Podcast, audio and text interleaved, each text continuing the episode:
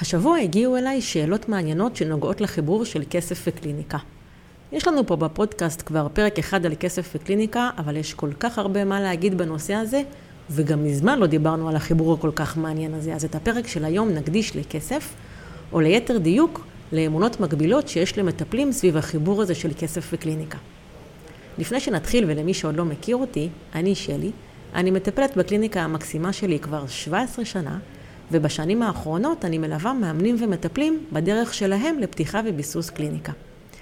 כמי שעובדת בעצמה בקליניקה, ובטח כמי שמלווה אחרים בתהליך שלהם, אני מכירה כל כך הרבה אמונות מגבילות שקשורות לכסף, ורואה עד כמה הנושא הזה, אם הוא לא מטופל, הוא יכול לא רק להפריע לקליניקה, אלא אפילו למנוע ממנה לצאת לדרך או להחזיק מעמד, ולכן חשוב שנדבר על העניין הזה.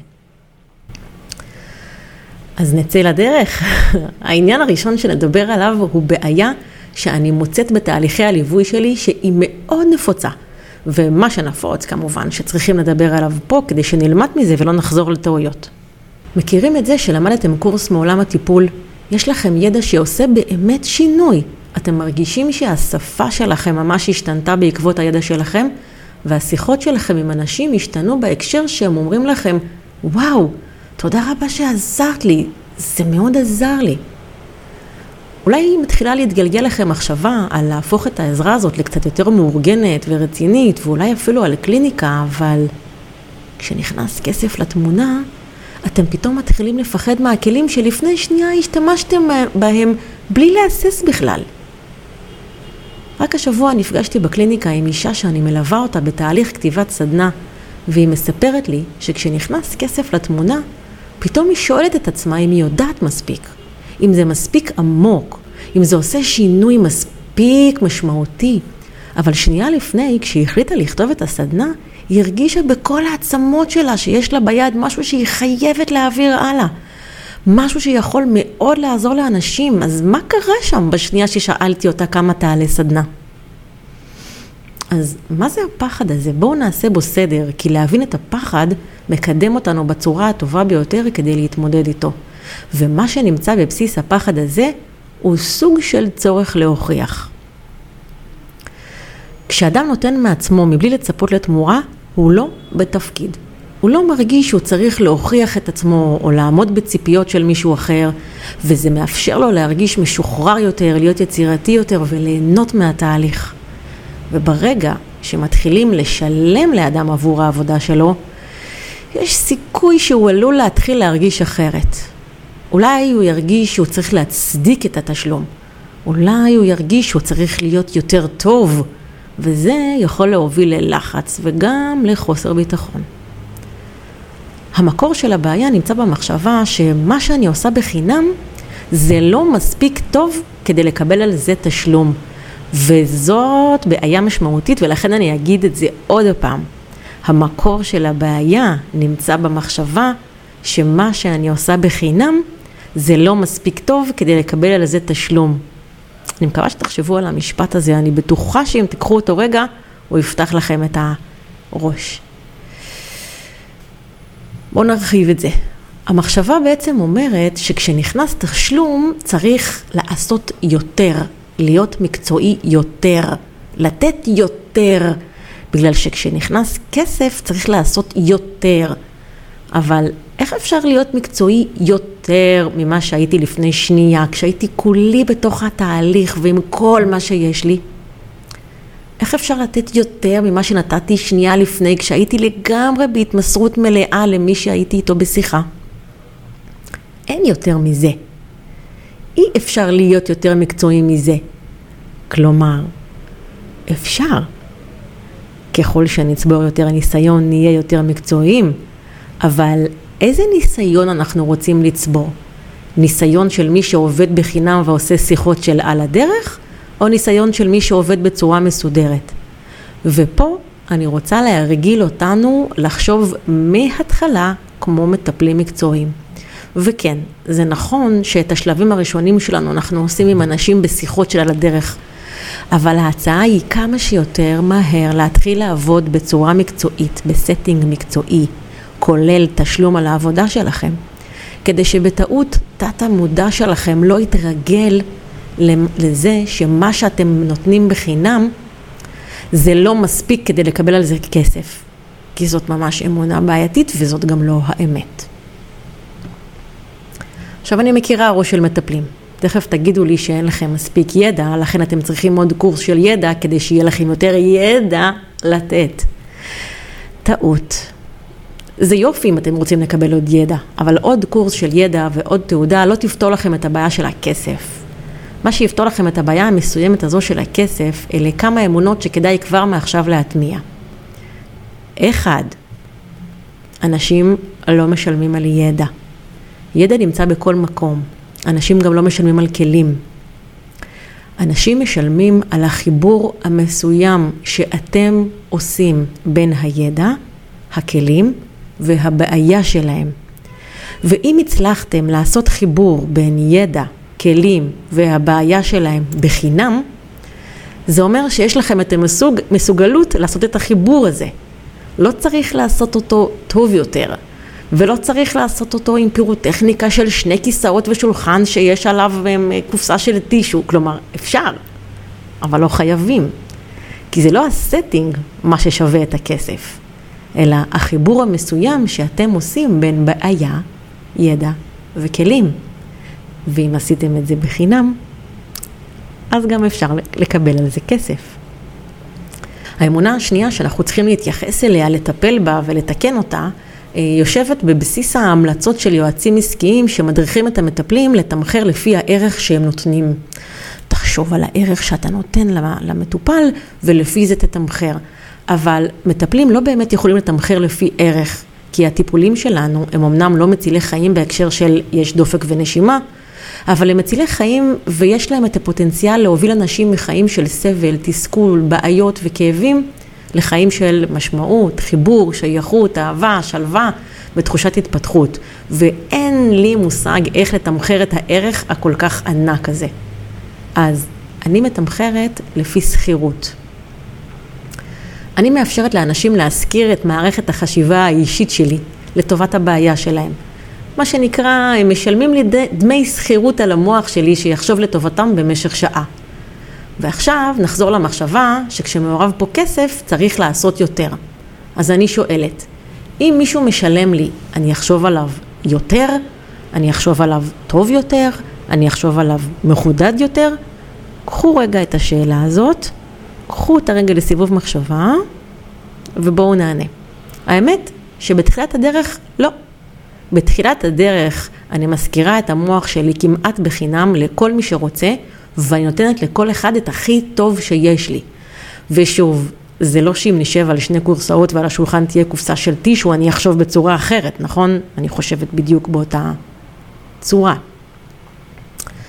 בהמשך, ופה נכנס משהו חשוב, בהמשך הדרך שלי, כשכבר יש לי ניסיון וצברתי ביטחון, ברור שמי שמשלם לי מקבל שעה שלמה ואני לא מאבדת עניין באמצע, וברור שמי שמשלם לי, אני לא דוחפת לו את הבעיות שלי על הדרך רק כי אני יכולה, אז ברור שכשמישהו משלם לי על שכירות המוח שלי זה הרבה יותר כדאי לי והוא מקבל ערך יותר מדויק, אז כן, כשמשלמים לי מקבלים עבודה טובה יותר.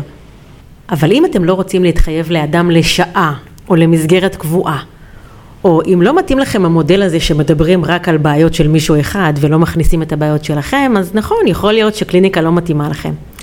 אבל אל תספרו לעצמכם שבשביל לקבל כסף על העבודה שלכם, אתם צריכים לעשות את העבודה היותר עמוקה, או שאתם צריכים יותר ידע, או להיות יותר טובים, כי זה עיוות שקצת מפריע וחבל.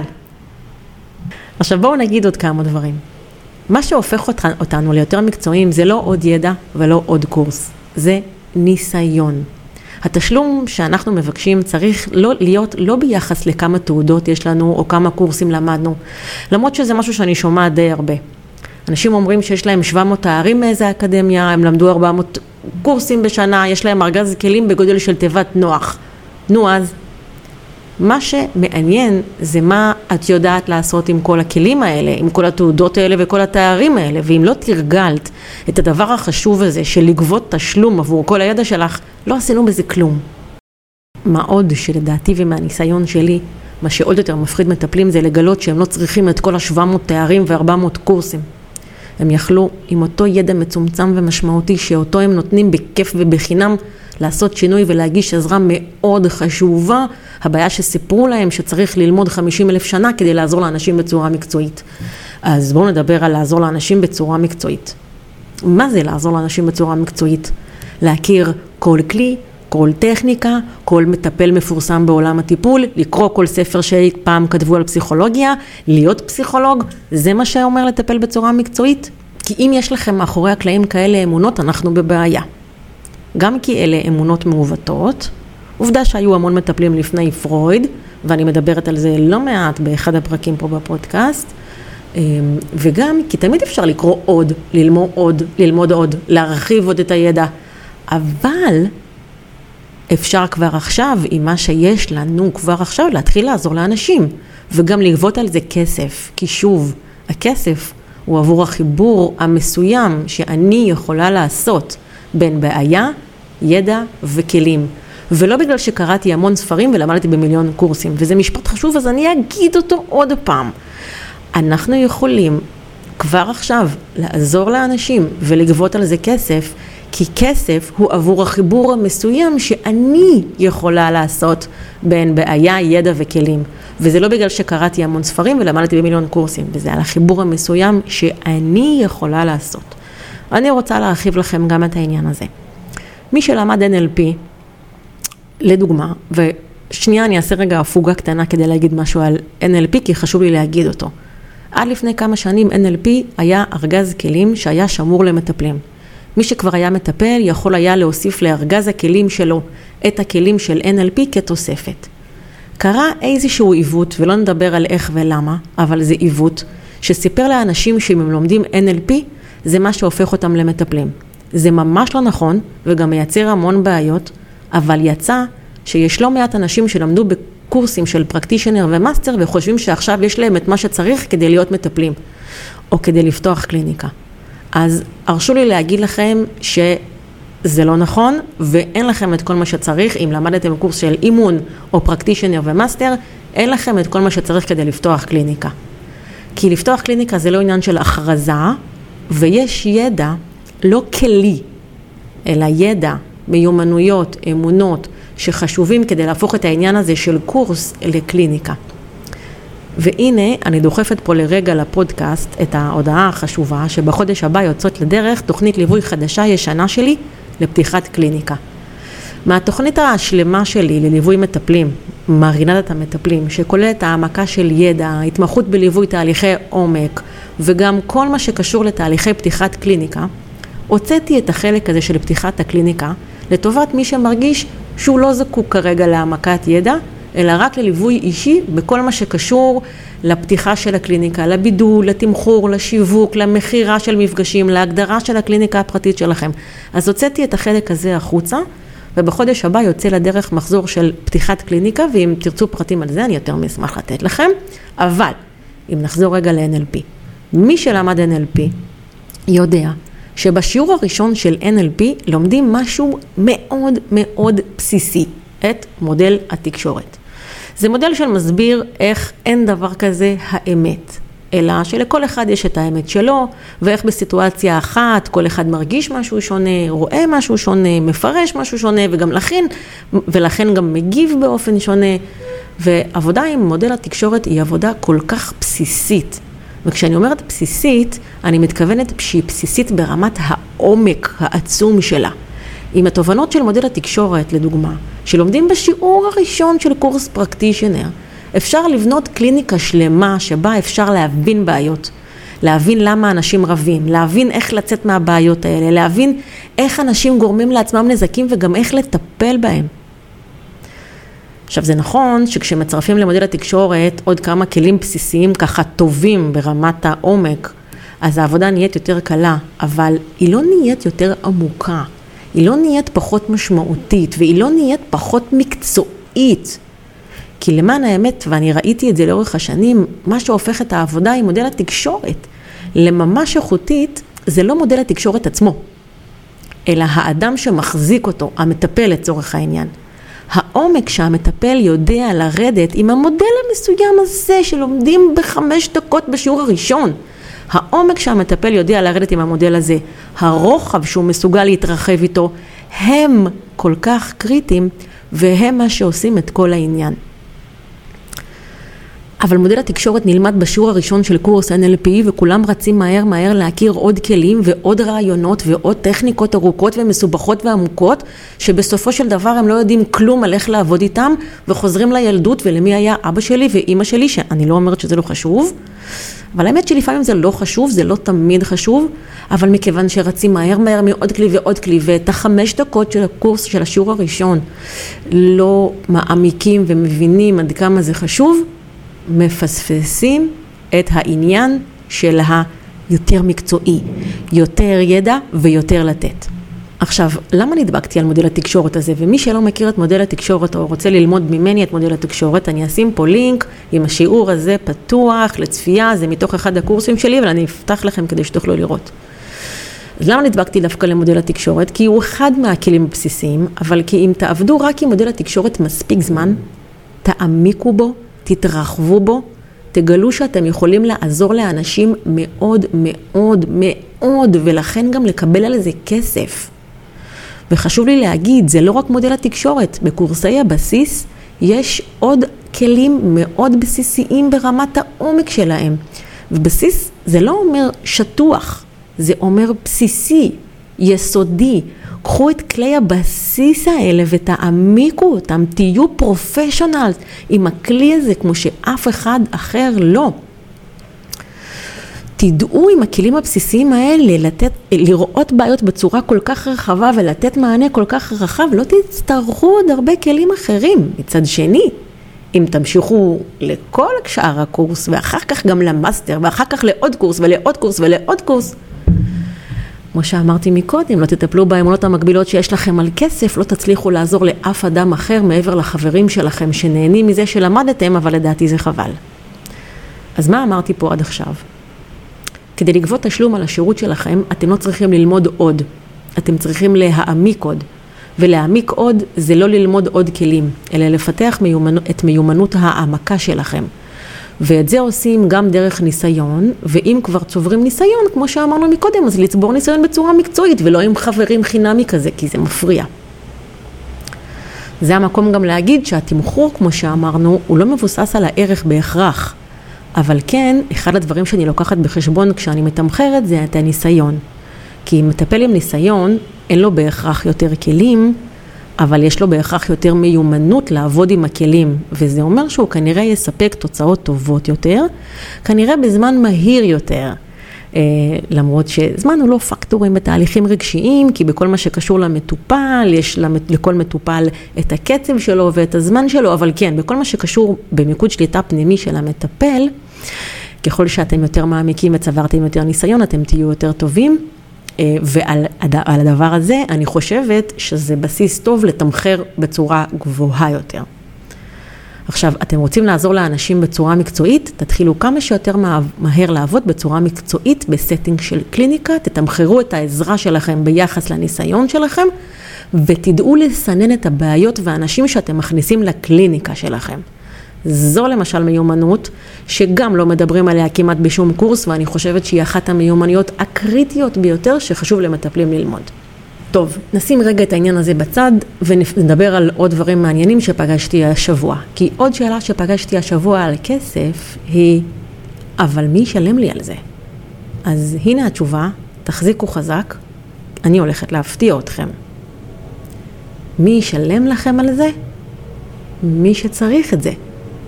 מי משלם לאינסטלטור על העבודה שלו? מי שצריך אותו. מי ישלם לכם על השכרת המוח שלכם? מי שצריך אותו. ואיך אנשים ידעו אם המוח שלכם שווה להשכרה? בשביל זה עושים שיווק, ושיווק נכון.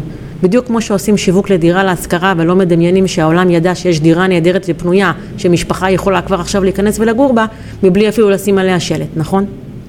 לא, כי רק מטפלים יכולים לעוות כל דבר כמו כסף ושיווק לרעתם.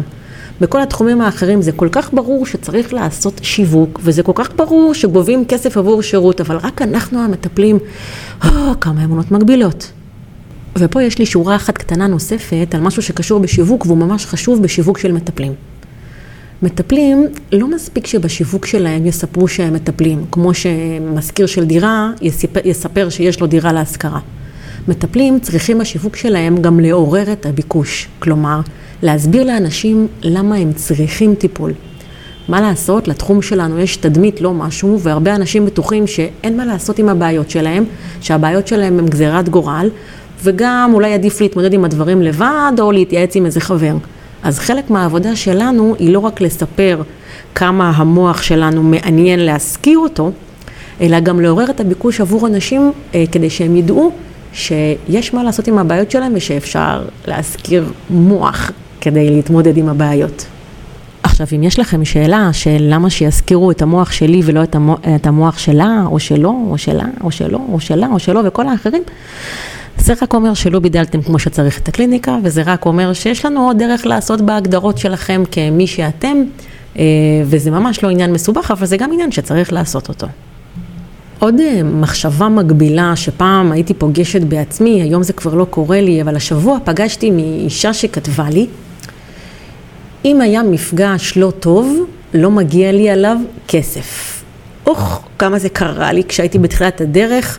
אה, כשלפעמים היה איזה מפגש שהרגיש לי שהוא מסורבל, לא אסוף טוב, התפזרנו, לא הצלחתי להעמיק כמו שדמיינתי, או לא דייקנו, או התברברנו עם עצמנו ונגמרה לה השעה.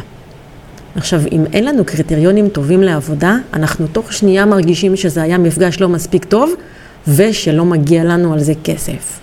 אז בואו נגדיר רגע מתי לא מגיע לנו כסף, ואני אתן לכם עכשיו את ההגדרה שלי, זו דעתי האישית כמובן, שעשיתי תואר שלם כמובן, תואר בשיטת שלי, מה שנקרא להעמיק עם עצמי ולהגדיר כמו שצריך, כי סבלתי מהעניין הזה והבנתי שזה נגרם בגלל שהדברים לא מוגדרים לי כמו שצריך. אז אני אתן לכם עכשיו את ההגדרה שלי, את הקריטריון שלי, למתי לא מגיע לי כסף על מפגש. יכול להיות שאחרים חושבים אחרת ממני, בטוח יש אחרים שחושבים אחרת ממני, הנה המחשבה שלי.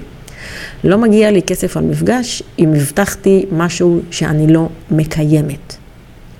ובגלל זה צריך לדייק מאוד את ההבטחות שלנו. וגם את זה למשל לא לומדים בקורסים של טיפול, וזה משהו שמאוד מאוד חשוב לדייק אותו ולהגדיר נכון.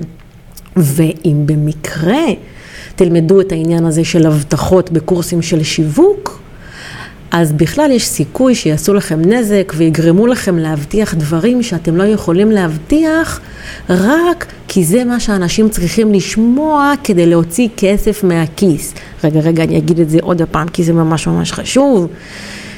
אם במקרה תלמדו את העניין הזה של ההבטחות בקורסים של שיווק, יש סיכוי שיעשו לכם נזק ויגרמו לכם להבטיח דברים שאתם לא יכולים להבטיח, רק כי זה מה שאנשים צריכים לשמוע כדי להוציא כסף מהכיס. ובמה שאמרנו פה, נמצא אחד השורשים לבעיה שלכם עם כסף. לא כל השורשים, אבל אחד השורשים המשמעותיים. נגיד שכשיש לנו מספיק ניסיון ומצטבר לנו אה, ביטחון והגדרנו בצורה נכונה, אנחנו יכולים להגיע למצב שבו מפגש היה אולי מבורבר, אבל זה לא בהכרח סימן לחוסר מקצועיות שלנו, אלא יכול להעיד על עוד דברים שלא בהכרח קשורים אלינו. אולי דפוסים שקשורים למטופל שעוד לא זיהינו, אולי אין בשלות עדיין לדי, לדי, לדיוק שאנחנו רוצים אה, להגיע אליו, ויכולות להיות עוד סיבות, אבל המסר הכללי הוא, או שהתברברות, או שאולי לא הגענו בדיוק לאן שרצינו, לא בהכרח סימן שאנחנו לא מספיק טובים ושלא מגיע לנו כסף על המפגש הזה. ואני מקווה שכשדיברנו על המחשבה הזאת, על האמונה הזאת, פתרנו לכם משהו מאוד מאוד משמעותי.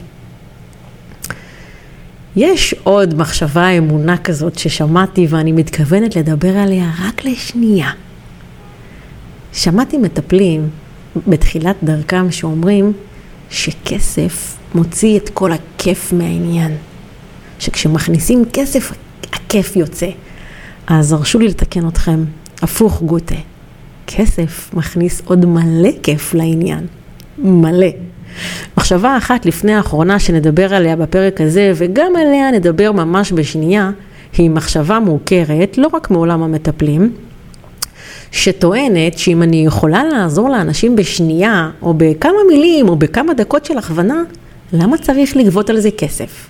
ובכן, אתם בטח מכירים את הסיפור המוכר על מתקן האוניות, שיום אחד הגיע אליו אונייה עם בעיה. ובתוך כמה דקות ועם כמה לחיצות הוא סידר את הבעיה, והבעלים המופתע של האונייה אה, היה מופתע ממהירות סידור הבעיה, ולכן שאל למה צריך לשלם על משהו שלקח רק כמה דקות לתקן. בסיפור המקורי, אה, התשובה של מתקן האוניות היא כי בשביל לתקן אונייה בכמה דקות צריך ללמוד במשך כמה שנים. אבל אנחנו נשנה פה קצת את הסוף. למה צריך לשלם עבור בעיה שאנחנו מצליחים לקדם בכמה דקות? כי לבד לא הסתדרת, וביקשת ממני שכירות של המוח העסוק, המנוסה והחכם שלי, והנה אנחנו בקלוז'ר של מה שדיברנו עליו קודם בפרק. לסיום הפרק הזה ניגע באמונה קשוחה שאני פוגשת לעיתים קרובות ומעלימה אותה תוך שנייה עם מי שבוחר לעבור איתי מפגש בקליניקה. והאמונה הקשוחה היא, אני כל כך נהנית בעבודה שלי, למה צריך לשלם לי על זה? או אם ננסח את זה אחרת, כדי לקלוע טוב יותר למחשבה שלכם אולי, לא עבדתי מספיק קשה כדי להרוויח את הכסף הזה. אז הרשו לי לתת לכם את שני השקל שלי בנושא הזה, מפגש קליניקה זה כיף. ומי שניסה פעם להיות במפגש איתי בקליניקה, רואה שכיף לי, כיף לי בקליניקה. זה נכון שבתחילת הדרך מזיעים ממקומות שלא ידענו שהם יודעים להזיע. ונכון שיש כל מיני תדמיות של מטפלים שהם לא בהכרח אנחנו, שגורמות לנו לחשוב שאנחנו צריכים להיות משהו שאנחנו לא, וזה אומר לעבוד קשה עכשיו כדי לשנות בי משהו כדי להתאים לתדמית. וזה נכון שיש מחשבות עקומות שטוענות שכש, שכדי להרוויח כסף צריך לעבוד קשה. אבל יש מחשבות חכמות יותר שטוענות שכדי להרוויח כסף צריך לעבוד חכם. ושאם לא נהנים ממשהו, לא מצליחים להחזיק בו מעמד יותר מכמה חודשים במקרה הטוב.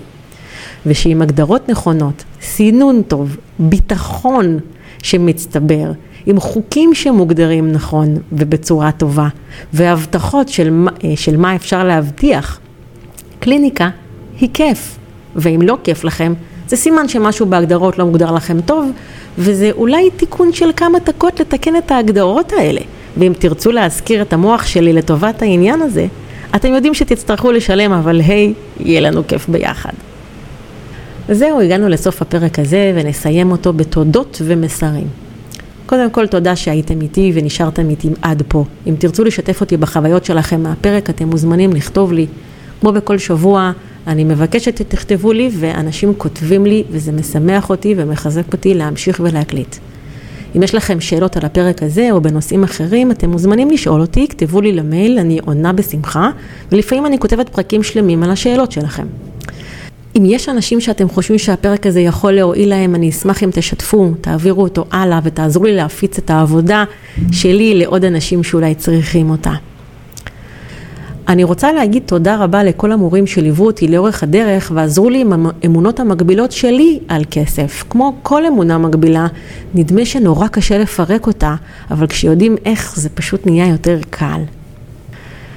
לסיום סיומי של הפרק הזה אני רוצה להגיד תודה לאנשים שעכשיו הם חיילים ושומרים עלינו, הם מקריבים את כל מה שיש כדי לשמור עלינו ולאפשר לי להקליט עכשיו פרק ואני מודה להם מאוד מאוד. ולסיום תפילה גדולה לחזרה מהירה אה, הביתה של כל החיילים וכל החטופים כי אנחנו צריכים אותם מאוד מאוד ועכשיו.